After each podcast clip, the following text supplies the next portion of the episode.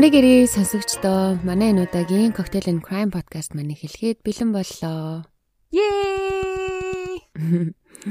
За дугаартаа орохоос өмнө уламжлалт ёсоор хар улга хэлий манай подкаст нь насан турш хүмүүс зориулагдсан учраас а насан туршаагүй хүүхдүүд болон жирэмсэн эхчүүд эсвэл зүрх судасны өвчтөй хүмүүс юмнаас амархан айдаг хүмүүс бас ер нь сонсоод хэрэггүй шүү гэж бид хоёр зөөлдөг. Үнэхээр сонсомоор байвал өөр өөртөө араад байгаа сонсоорой гэж хэлдэг. Манай энэ удаагийн дугаарыг дулмаа маань маш гоё коктейл хийгээд хэрэгээ ярахаар бэлтжээд бэлэн болчоо сууж ийна. За тэгээд дулмаа аялаа коктейлнаас эхлэе ярих уу. За тэгээд а уламжлалт ёсороо энэ удаагийн дугаараар хийсэн коктейл маань болохоор а Midori Sour гэдэг нэртэй коктейл байгаа. Маш тийм тод, ногоон өнгөтэй амир тийм сороолог коктейл байгаа.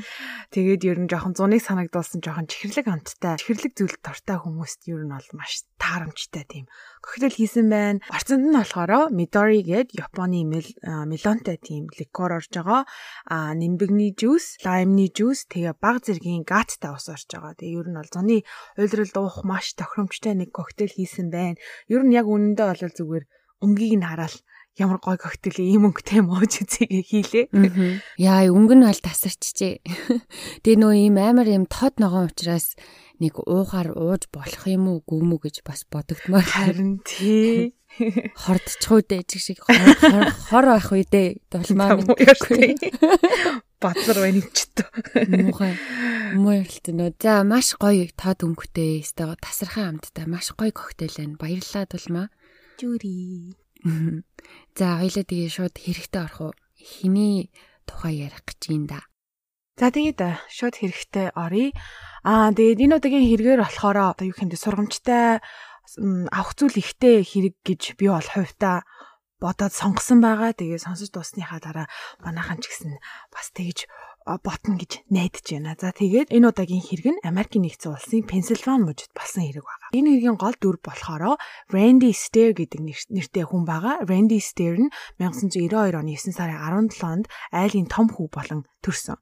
А тэгээ 94 онд буюу 2 настай байхад нь түүний дүү Jeremy мэндэлсэн байдаг. Randy-гийн хүүхэд нас нь болохоор ер нь бол энгийн гэж хэлж болохоор ам бүл дөрүүлээ. Тэгээ нэг нохоотой Eaton Township гэдэг жижигхэн тийм хотхонд амьдардаг юм уу та. Байдаг Америк гэр бүл гэх юм уу хоёр хүүхэдтэй нохоотой. Тэгээд ер нь бол гаднаас нь харахад typical American family гэх юм уу та яг байдаг л Америк гэр бүл шиг харагддаг. А тэгээ Randy-гийн хувьд болохоор багын тийм ер нь жоохон бүрэг ичимхий зантай хүүхэд байсан бөгөөд найз нөхдийн хувьд ер нь бол бараг байгаагүй бүр тийм маш ичимхий байсан хичээл дээр хүртэл харагддаг байсан. А багш нар нь ингээл хичээлийн талаар юм асуухаар бүр сандраад ингээд салганаад хамаг хөлсөн урсчихдаг байсан тийм ичимхий хүүхэд байсан баг. Ичимхий зангаасаа болоод ер нь бол найз нөхөд цөөтэй бараг байхгүй. Randy-тай харьцуулахад болохоор түүний дүү Jeremy тийм маш их найрсаг хүмүүстэй уулзраа маш амархан олдог хүүхэд байсан бөгөөд энэ байдлыг нь хараад ээж аав нь Randy-д одоо санаа зовж эхэлдэг байгаа. Randy дүүшигээ ингээд найз нөхөдтэй болооч гадуур дотуур яваач ингээд найз охинтой болооч гих мэтэр ингээд Randy-г ер нь жоохон түлхдэг байсан.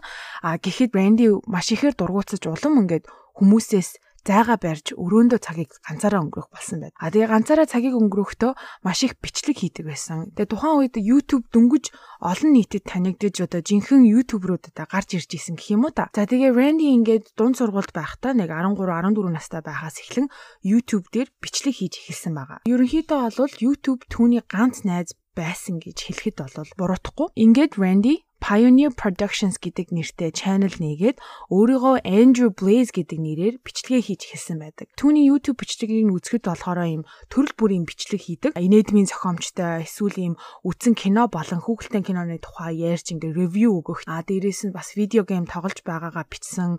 Эсвэл ийм өөрт тохиолдсон зүйл гих мэт талаар одоо нэг гэсэндээ vlog хийдэг байсан. Тэгээ тухайн үед болохоор YouTube одоогийнх шиг ер нь бол байгаагүй. Хүмүүс тодорхой хэмжээний хандлт лайк тэ subscription авч одоо хандлт авч ийж одоо аль бие осны сувгтай болдог байсан гэх юм уу та. Тэгээ одооных шиг камертай, компьютертэй, интернеттэй хийчихдэг тийм зүйл бол биш байсан. Тэгээ тухайн үед өөр нэгэн олон танигдсан ютубер Randy-гийн нэг чихмэл тоглоомтой ярилцаж байгаа бичлэгийг нь одоо шеэрлсэн гэх юм уу та. Тэр явдлаас хойш Randy-гийн YouTube сувг маш их одоо олон хүмүүсийн анхаарлыг татад ихээр хандлт авсан байдаг. Ингээд тэр бичлэгнээсээ болж ютубертэй хамтран ажиллах саналыг хүлээн аваад аль бие ёсны өөрийн гэсэн сувгтай болж одоо ютубер болсон гэх юм уу та. За тэгээ өөрөө үнэхээр бичлэг хийх сонирхолтой.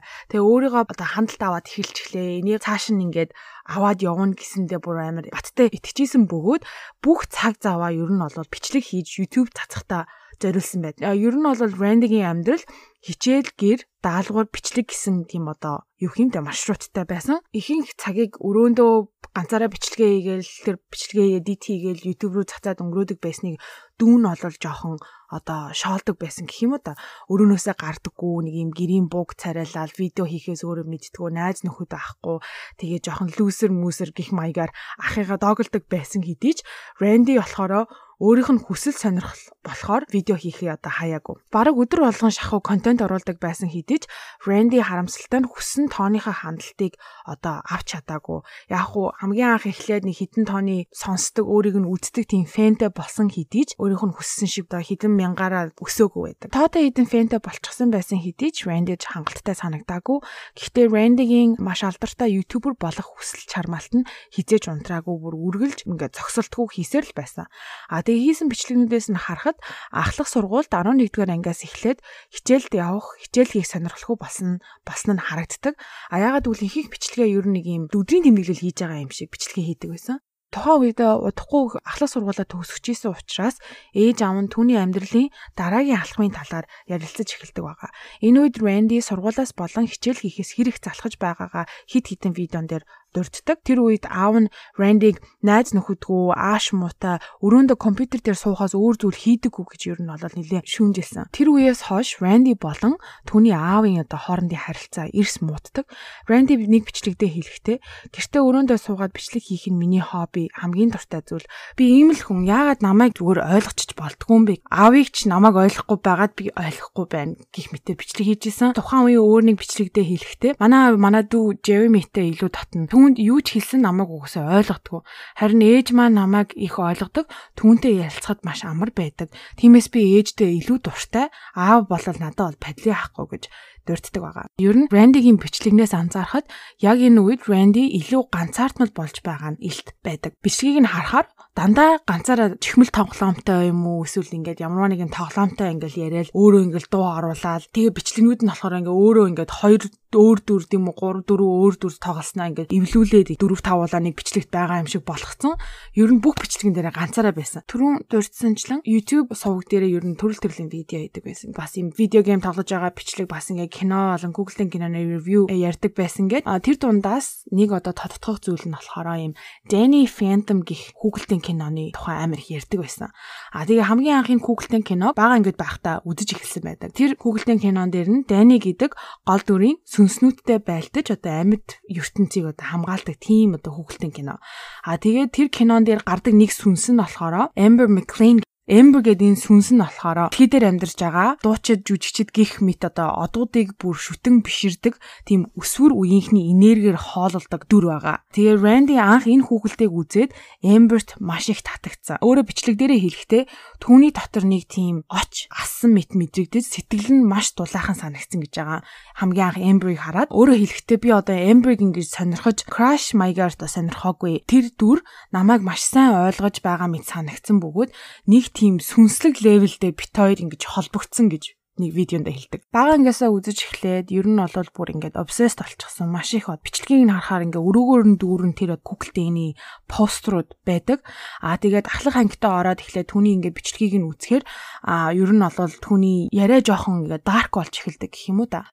Бичлэгнүүдээ нөгөө Amber яриад л өөрөөгөө ярина хүмүүсийг ойлгодгүй хүмүүс ч намайг ойлгодоггүй дээрээс нь би ингээд ер нь хүмүүсийг үзий яддаг би хүмүүст амар дургу би ганцаараа л байх ёстой гэд. Тиймэрхүү зүйл ярих нь бол олширсан байдаг. Ахлах сургуулаа төгсөх жилийн бичлэгнээс харахад ажлаа хэр их үзий яддаг бас коллежд явах ямар ч хүсэлгүй талаараа ярьдаг байгаа.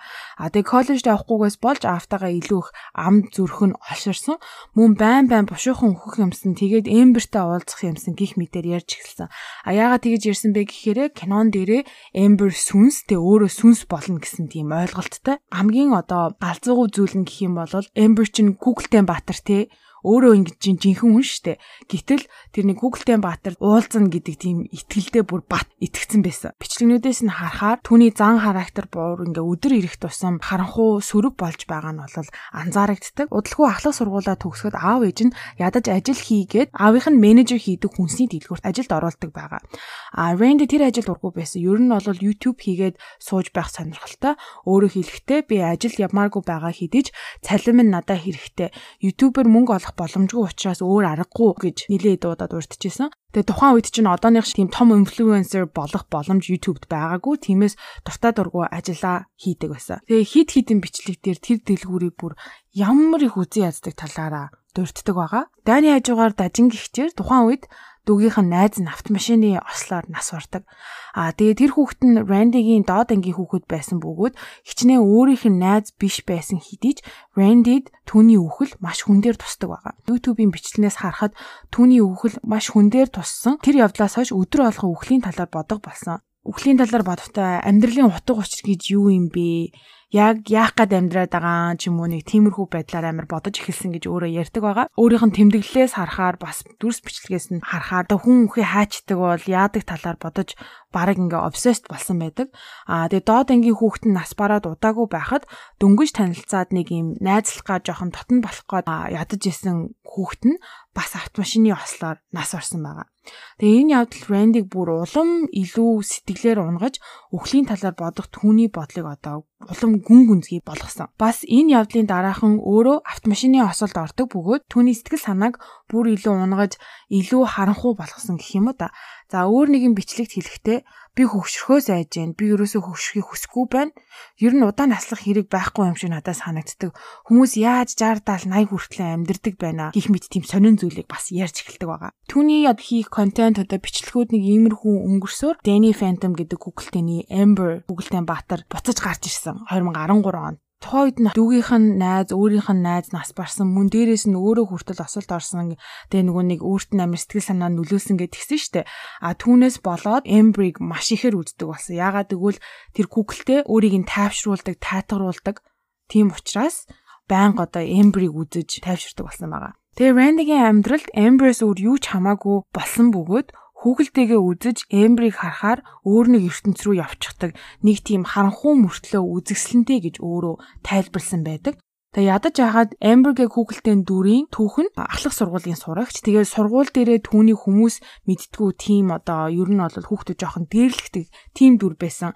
Аа тэгээд тэр дүртэй нь бас Randy маш ихээр одоо холбогдсон гэх юм уу та. Өрөөнд байгаа поструудыг нь харахаар Amber гэдэг дүртэй хамт байгаа мэтэр өөрийгөө зурсан. Тэр зургийг бүр ингээд томоор жаазлаад өрөөндөө ингээд хатцсан байсан. Гих мэтэр энэ Google-тэй Батарт бүр амар хинтэ гүн донтчихсан гэх юм уу. Тэгээ энэ явдал нь бүр гүнзгийрсээр зүгээр Google-тэйг нь үзээ суугаад байлгүй бүр өөрийн гэсэн одоо дүрийг хүртэл бүтээж эхэлдэг байгаа. Өөрийнхөө дүрийг бүтээгээд сүүлдээ бүр зохиол бичээд өөрөө нэг юм комик ном бараг шахуу бичдэг байгаа. А тэгээд тэр комик номынх нь нэр нь болохоор Ember's Ghost Squad буюу Amber-ийн сүнсний баг гэх юм уу та. Нэг тийм нэртэй комик ном зохиож бичдэг.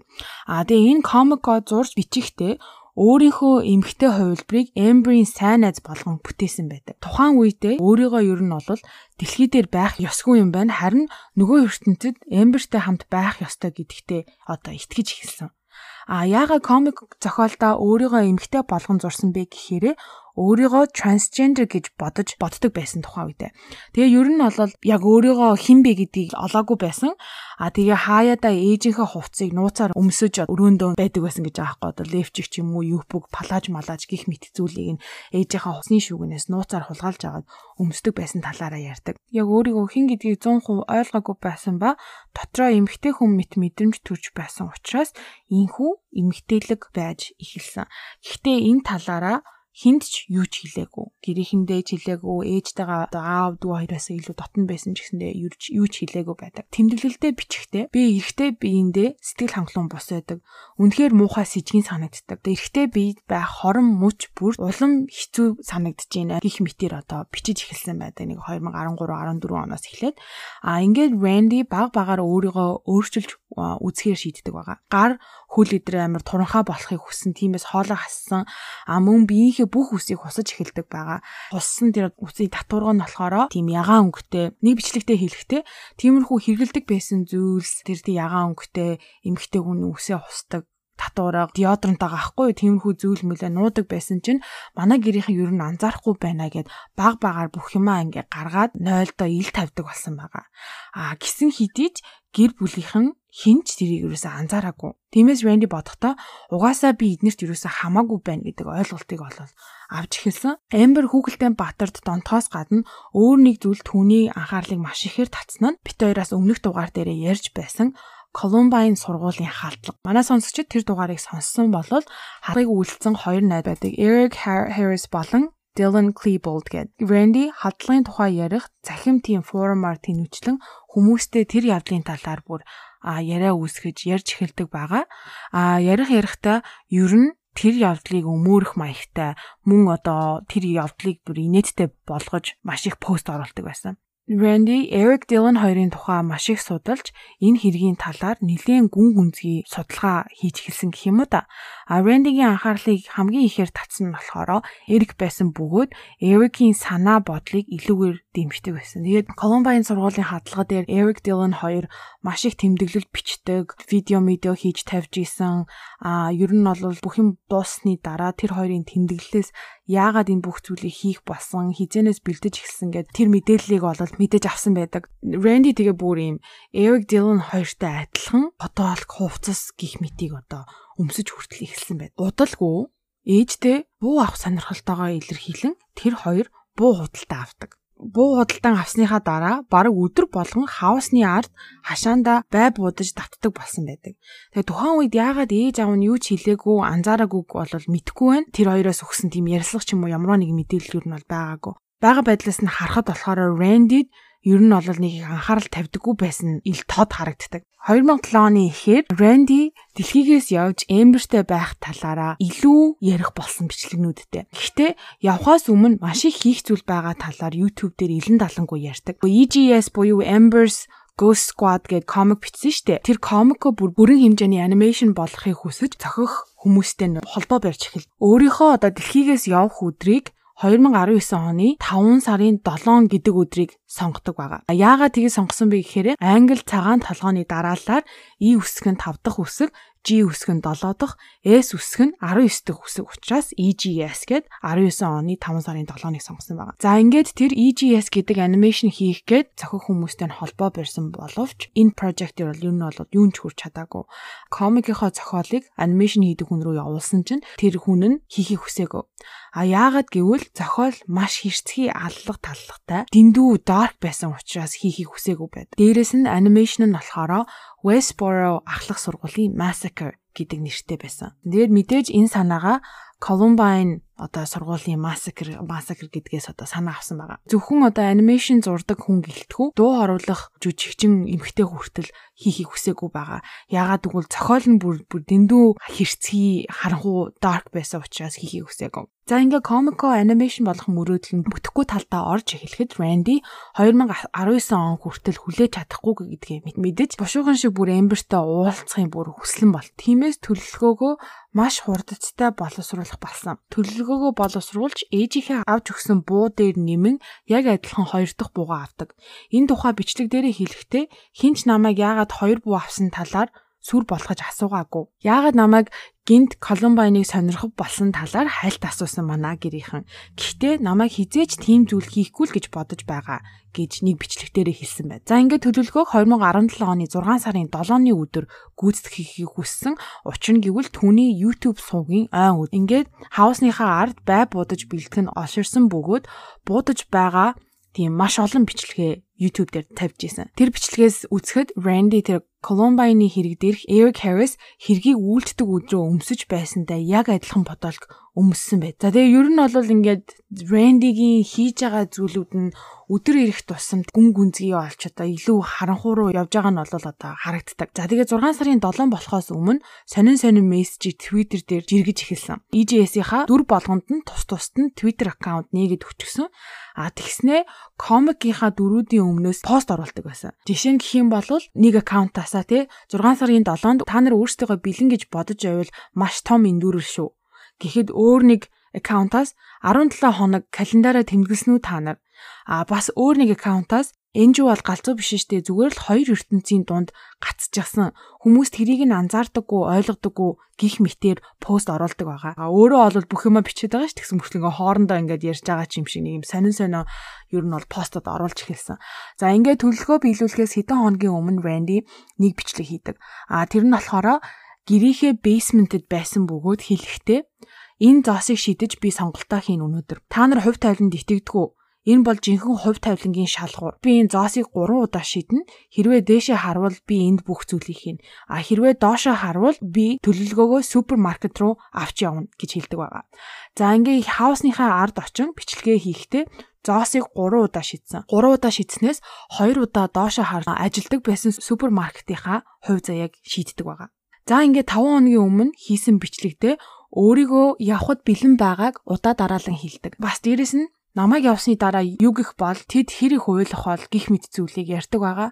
Би явсны дараа маш нэртэй олоод октод миний араас одоо намайг дурсаж үхэндээ гих мэтэр ингээд сонин сонин зүйлийг ярьдаг байгаа. Мөн Westboro ахлах сургуулийн Massacre гэдэг нэртэй анимашн 6 сарын 7-нд цацагтан шүү. Та нар хүлээж агаарай гэсэн постыг бас Twitter дээр оруулдаг. Ингээд 6 сарын 2-нд машин дотроо сууж байгаа байдалтайгаар хамгийн сүүлчийнхээ влогийг хийдэг байгаа. Аа тэгээд тэр хэлэх миний хамгийн сүүлчийн видео байх байхаа. Энэ бүх зүйлийн дараа миний сувгийг яах вэ? Хүмүүс намайг юу гэж бодох бол Гэтэ би нэг тэр хүмүүсийн намайг юу гэж бодоход бол санаа зовхгүй байна уу. Тэр үед супермаркетын ажилчид маш их хад жаргалтай ажилдаа ирэндээ гэхдээ тэдний амьдрал надаас болж оронгороо иргэн. Тэр супермаркетыг бүр дампуураасаа гэж хүсэж байна. Тэр дэлгүүр гемт хэргийн газар болно. Тэгээд л бүх зүйл дуусна гэ бодтоо гэж. Бас дээрээс нь хэлэхдээ хин тэр хүүхэлдэйн киноны дүр ийм юмны шалтгаан болно гэж мэдхөв. Тэр яаж надаас ийм зүйлийг гаргаж чадчихэв вэ? Үнэхээр ойлгохгүй. Эмбер бол үнэхээр гайхалтай би энэ бүх зүйлийг боломжтой гэхэд бол итгэж чадахгүй байна. Мэдээж тэдний асуух хамгийн том асуулт бол яагаад? Гэхдээ би та нарт зах зугаас нь хэлсэн. Гэхдээ бүх шалтгаанаа хэлэхгүй. Би шарил руугаа бүх зүйлийг аваад явна. Би psychopath бишээ. Өөр зөндөө олон төрлийн 70 ертөнцүүд байгаа. Өөрийнхөө очих ертөнцтэй очиод та нарыг хараад шоолох болно. Тэгээ та нар над руу мессеж бичнэ. Миний YouTube суваг дээр та нар комент үлдээн. Би амьдралыг чинь өөрчилсөн, эсвэл баяр баясгалан авчирсан ч юм уу, тиймэрхүү зүйлийг та нар надад хэлэх болно. Үннийг хэлэхэд миний хүссэн зүйл тэр л байсан. Би эхлээд алдартай олны танил болохыг хүссэн. Гэхдээ жинхэнэ хүсэл бань хүмүүст аз жаргалыг авчрах, амьдралыг чинь өөрчлөх байсан. Дараа 7 хоног гэхэд би хөвчгсөн байна гэдэгтээ итгэхгүй байна. Би 24 насаараа мөнхрөн. Би та нарыг санаандаа заримыг нь ч нөгөө ертөнцид харан тийм болохоор санаа зовхгүй байна. Энэ бол Andrew Blaze-ийн сүүлчийн бичлэг хамгийн сүүлийн удаа та нартай ярьж байна. Үлдсэн амьдралаа сайхан өнгөрүүлээрэй гэд бичлэгээ дуусгадаг байгаа. За ингээд энэ бичлэгээс хойш 5 хоногийн дараа буюу 6 сарын 7-ны өглөө Randy супермаркет дах ажилдаа очин бичлэг хийсэн байдаг. А тэр бичлэгнээс нь харахад дэлгүүр онгохоос өмнө дэлгүүрээр ингээд тойрон явсан бичлэг байдаг. Бүх гарах гарцыг одоо шалгаж байгаа тийм бичлэг хийгээ явж исэн байгаа аахгүй өглөө нь.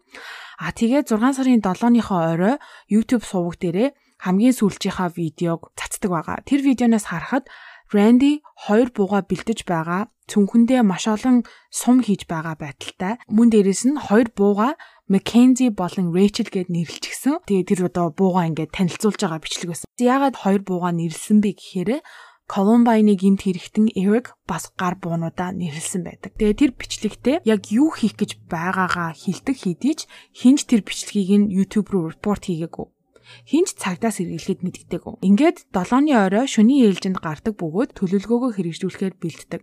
Шүн дүнд өнгөрчихсөн шөний ээлжийнхаа ажлаа хийж байхад Randy өглөөн шалгасан бүх гарцыг хааж төгцсөн. Тэгээ нэг цагийн үед Randy сүүлчийн хаалга буюу одоо урт хаалгыг нь төгжиж авчирсан хоёр бууга гаргаж ирдэг. За тэгээ тэр өдрийн шөнийн ээлжинд Terry, Brian, Victoria болон Kristen гих дөрвөн ажилчид байсан бөгөөд хоёр эмэгтэй Victoria, Kristen хоёр нь хамтдаа нэг хэсэгт ажиллаж байсан. Тэгээ хоёр бүсгүй хоёулаа өөрсдийн одоо чихвчтэй хөгжим сонсож байсан ба Victoria маш чангаар харин Kristen аажуухан талтаа одоо хөгжмөө сонсоод ажиллаа хийж исэн. За тэгээд одоо дараагийн болох энэ явдлын талаар бол хоёр төрлийн мэдээлэл байдгийн билээ. А эхний хувилбар нь болохоор Кристины хэлснээр Кристин лангуун дээр бараа үрж байсан бөгөөд нэмж бараа авчрах гээд явсан байдаг. А тэр хооронд аажихан тас тас гих дуу гараад нэг юм газар унах шиг тийм дуу аваа сонсогдсон байдаг. Гайхаад эргээд харахад Randy Victoria-гийн дээр ингээ гарчихсан буудаад зогсож исэн байдлыг Кристен олж харсан. Randy Кристен лөө ихцэлж харж зогсож байснаа цаашаага яваад өгсөн гэж ярьдаг. А хоёр дахь хувилбар нь болохоор дэлгүүрийн CCTV-ний бичлэг байсан. Гэхдээ энэ бол яг 100% баттай үгүйг нь бол мэдэхгүй. Энэ хоёр дахь хувилбар нь Кристен буун дууг огт сонсоогүй а газар суучихсан хамгийн доод талын лангуунд гараа өрж исэн байгаа ингээд өвдөглөө суудсан. Тэгээд Randy Victoria-г бууцныхаа дараа Кристины арт хэсэг зогсож зогсож байснаа бодлоо өөрчилсөн мэт дэлгүүрийн нөгөө хэсэг рүү яваад өгдөг. Тэгээ Кристен яг ингээд алуурч хойнонд зогсож исэн гэдгийг мдээгүй байгаа аахгүй юу. Тэгээ энэ яг нөгөө хоёр өөр төрлийн мэдээлэл байсан. Бодоод бодвол одоо Кристен өөрөө мэдүүлэг өгсөн тэрний л зөв байлгүй гэж би бол хувьдаа нэгтээ сонирхолтой санагдаад хоёулангийн ярьлаа. За тэгээд ямар ч байсан Викторияг хөнөөснийхаа дараа дараагийн хохирогч болох Brian Terry хоёрыг олон буудан хөнөөдөг байгаа. Randy нөгөө хоёр ажилчдыг хөнөөх гээд явах хооронд Kristen бүсгүй Victoria-д юу тохиолдсныг хараад 911 дуудан дэлгүүрийн урд хаалга руу гүн зүхтаадаг.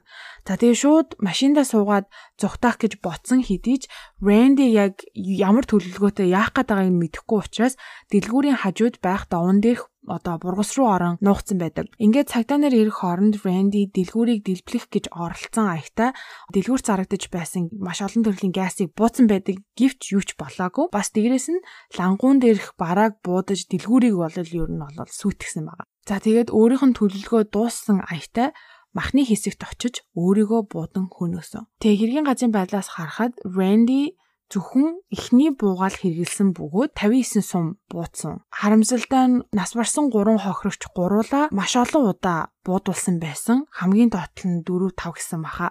За тэгээд хэрэг болсны дараа мэдээж яагаад гэдэг асуултанд бол хариулахаар мөрдөгчд ажиллаа эхэлсэн байгаа.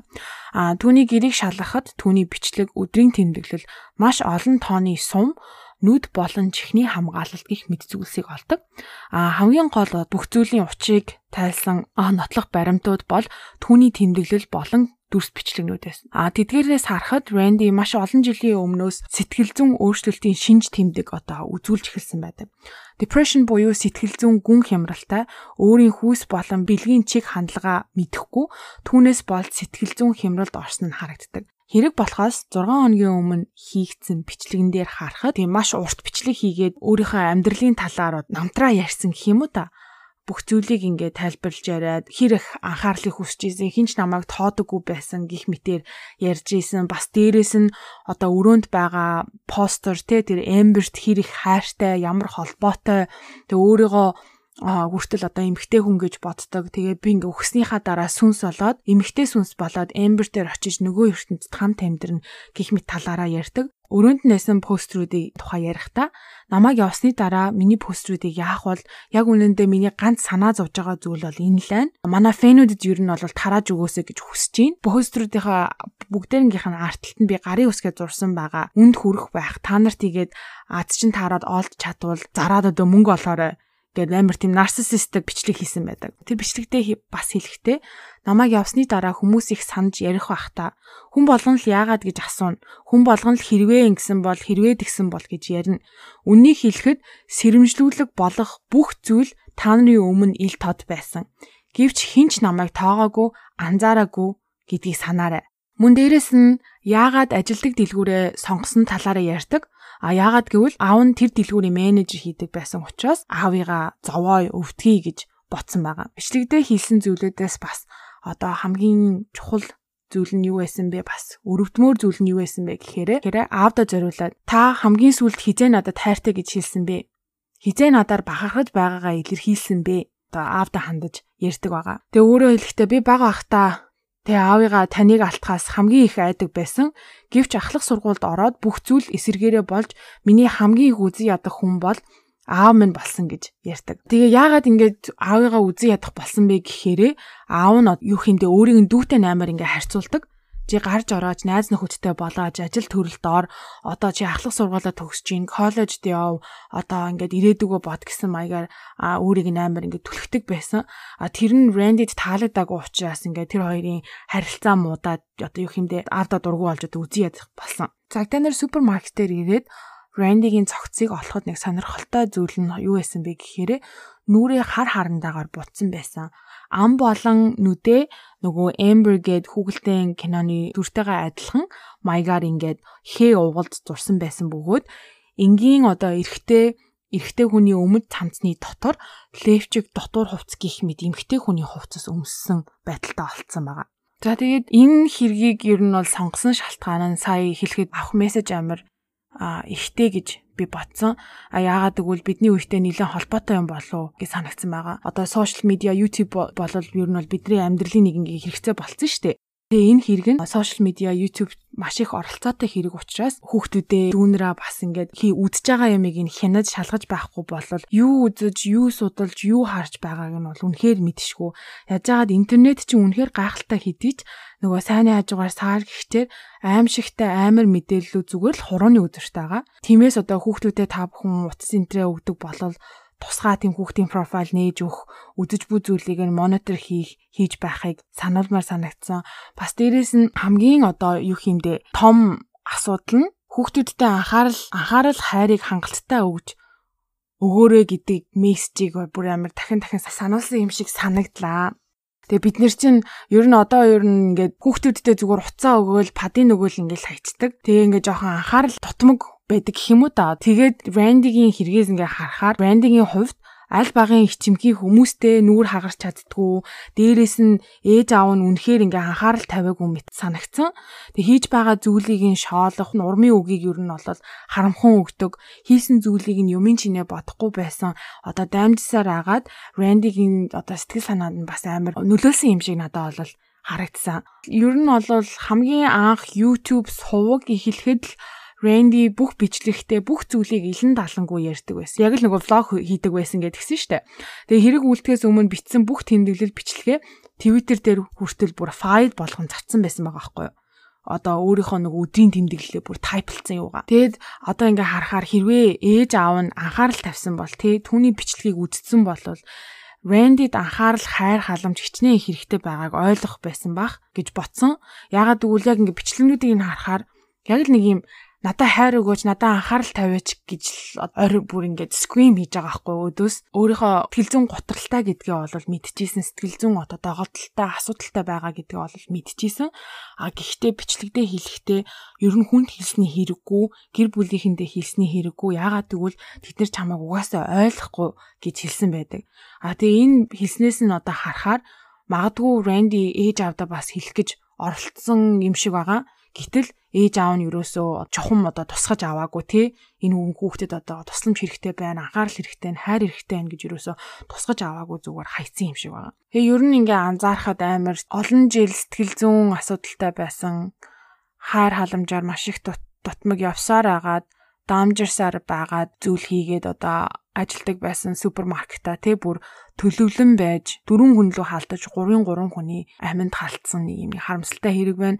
А энэ тэгээ саяхан болсон хэрэг 5 жил гэдэг чинь бас бол саяхны хэрэг штэ. Хм. Тэгээ сургамжтай гэх юм одоо ёстой бодох ёстой юмнууд юмнуудыг хөнцөн гэх юм уу хэрэг байна. Тэгж бас нөгөө хэргийг хэлэхэд хэлжсэн шүү дээ. Яг энэ талаар ярмаар байсан гэд. Тэгээ амар инээдтэй өнөөдөр одоо дараа 7 хоног боллоо миний ээлж боллоо. Ярих юм одоо олох гээд янз янзын хэрэгүүд уншиж сонсож эхэлсэн хгүй өнөөдөр. Тэгээд өнөөдөр яг ажилласаа ирж явах замдаа энэ хүүгийн тухай сонсч сонсч эхэлсэн. Яг эхлээ сонсож байгаа бараг дундаа орсон байлоо да. Ямар ч гэсэн нөгөө нэг тий одоо хүүхэлтэйний баатарт ингээ obsessed болоод бүр ингээд амар тийм одоо тэр obsession бүр үнэхээр юм real тэ амар юм өөрт нь ингээд амар чухал зүйл байсан байсан гэдэг ингээд яг энэ хүртлэн сонсч ирсэн байхгүй юу. Тэгээд чамаг ярьсан чи одоо би одоо юу ярих юм бэ гэхгүй юу. Надаа хэрэг олж өгөөрэй гэхгүй.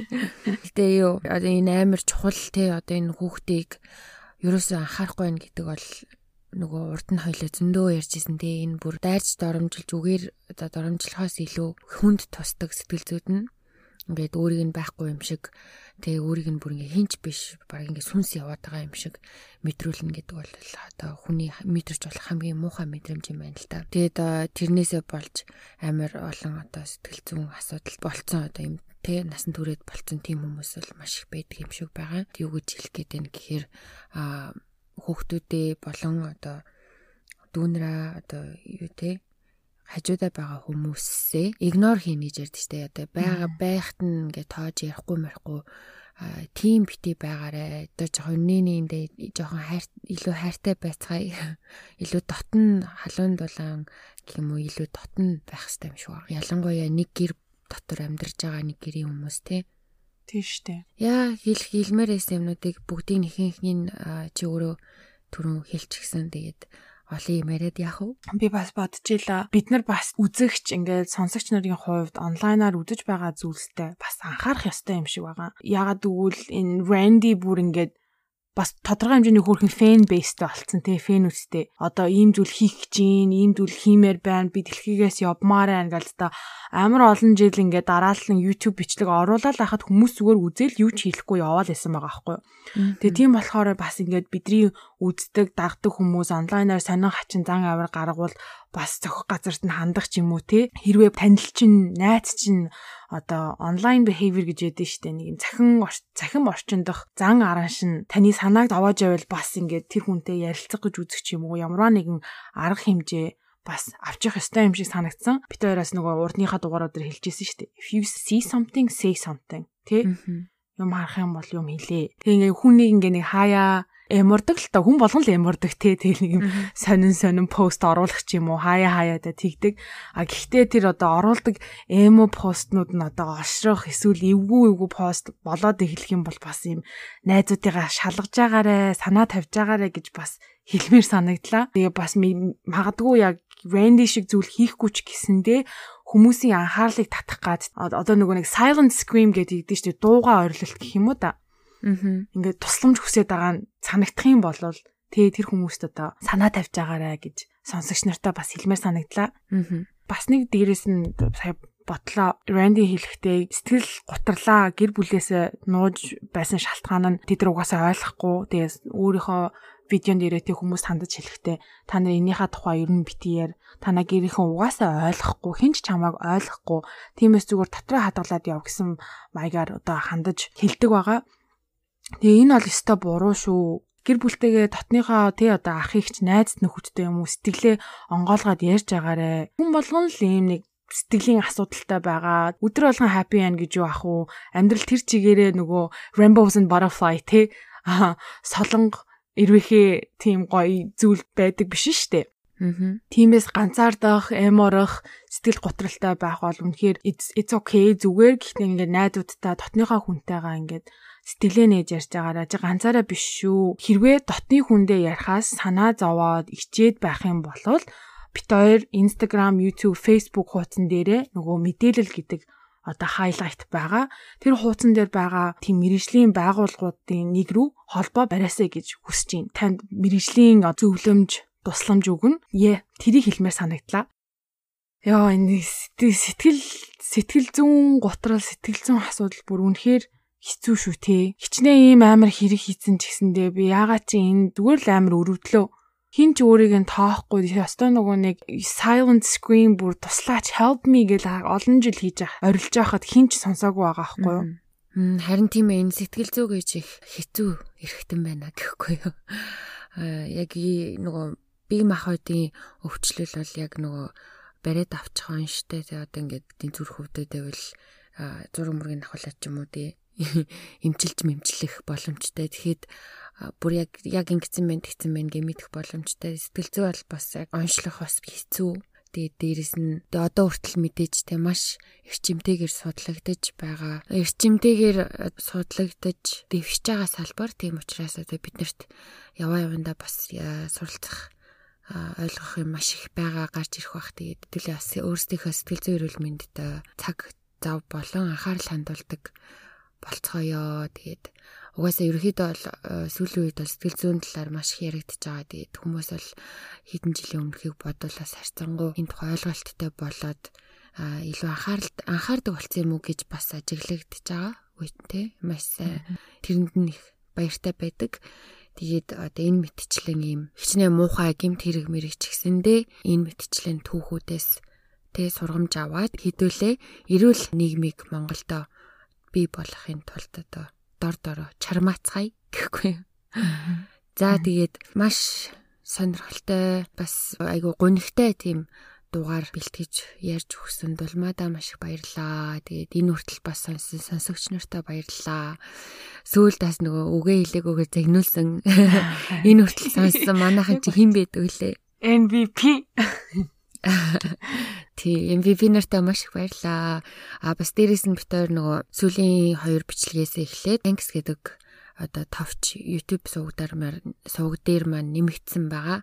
Тэрний юу гэхээр та бодтойгоор бит хоёрыг дэмжиж мөнгөнд тусламж тусламж гэхийн цаашаа одоо юу гэх гарын мөнгө явуулах боломжтой болсон. Тэгээд маш их хүмүүс бит хоёрт бас гарын мөнгө өгж байгаа. Э, тэгээд бас жоохон санаа зовмоор тэгтээ маш их баярлаа. Тэгээд бит хоёрын бас урдны эпизод дээр ярьсан санааг хүмүүс бас дэмж дэмжиж ийлээ. Тэгээд маш их баярлж байна. Тэр санаагаа бас ярилцаад хоорондоо ярилцаад та эдээс бас өшөө гоё санаа гарч ирэх юм бол те ярьж агаад бүндө нэг юм хийнэ гэж бодож байна. Нэг хүн бүр юунд нэчтээ. Зүгээр шууд данс нэгээд юу дансныхаа дугаарыг явуул гэжсэн. Оо яа. Тэр комментиг уншчихсан. Яна хичээ хичээд байна. Алиа хата дансаа гэсэн юм шүү. Тэгсэн. Яг тэгсэн. За тэгээд бүх тип явуулсан хүмүүстээ маш их баярлалаа гэд дахин дахин хэлмээр байна. За тэгээд дараа дараагийнхын дугаар хүртэл түр баяртай. Баяр.